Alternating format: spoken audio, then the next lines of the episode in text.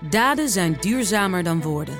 Bij PwC geloven we dat de uitdagingen van de toekomst vragen om een ander perspectief. Door deze uitdagingen van alle kanten te bekijken, komen we samen tot duurzame oplossingen. Zo zetten we duurzaamheidsambities om in acties die ertoe doen. Ga naar pwc.nl. De column van Marianne Zwagerman. Gisteravond debatteerde ik in Pakhuis de Zwijger over de rol van de media in het klimaatdebat. Er zat alleen een Vlaamse journaliste van de morgen aan tafel. En dat is jammer, want een goede discussie met de Nederlandse hoofdredacteuren over dit onderwerp is urgent. Columnist Martin Sommer schreef zaterdag in de Volkskrant over het klimaatbeleid. De politiek houdt open debat tegen, dus journalistiek laat het afweten. Die conclusie trok ik ook al eens. Als het om klimaat gaat, gedragen journalisten zich als de PR-afdeling van de Verenigde Naties. Waarom is dat toch? Op Twitter duiken dan direct mensen op met allerlei complottheorieën over geldstromen. Maar ik zou willen dat het zo simpel was. Het is vooral een gebrek aan kennis, vrees ik, gecombineerd met latent schuldgevoel.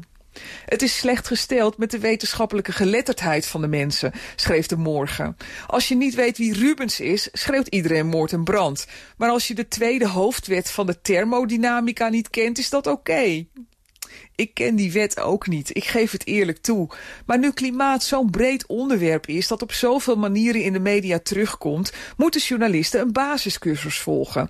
Dat bepleitte klimaatwetenschapper Leo Meijer gisteravond in het debat. Hij verbaast zich regelmatig over de manier waarop media de bevindingen van wetenschappers vertalen. De plank wordt nog alles misgeslagen.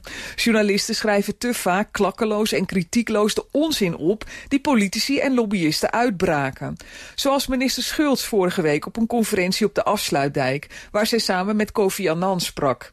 Ze herhaalde het fabeltje dat de burgeroorlog in Syrië is uitgebroken vanwege droogte. Onzin! Een verhaal gebaseerd op verkeerde gegevens. Er was geen extreme droogte in Syrië, zegt ook Meijer. Een minister mag poep praten. Sterker nog, dat is onderdeel van het vak. Alleen moeten journalisten het eruit filteren, niet opschrijven. Dat deden kranten wel en zetten er ook nog als kop boven... red de aarde, nu! Wij kunnen de aarde helemaal niet redden. De aarde regelt nog steeds elke dag dingen zelf... zonder dat wij weten waarom.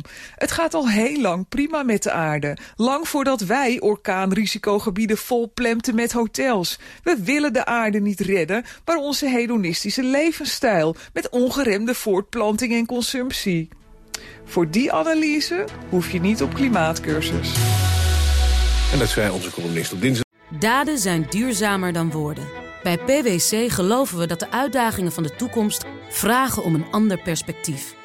Door deze uitdagingen van alle kanten te bekijken, komen we samen tot duurzame oplossingen. Zo zetten we duurzaamheidsambities om in acties die ertoe doen. Ga naar pwc.nl.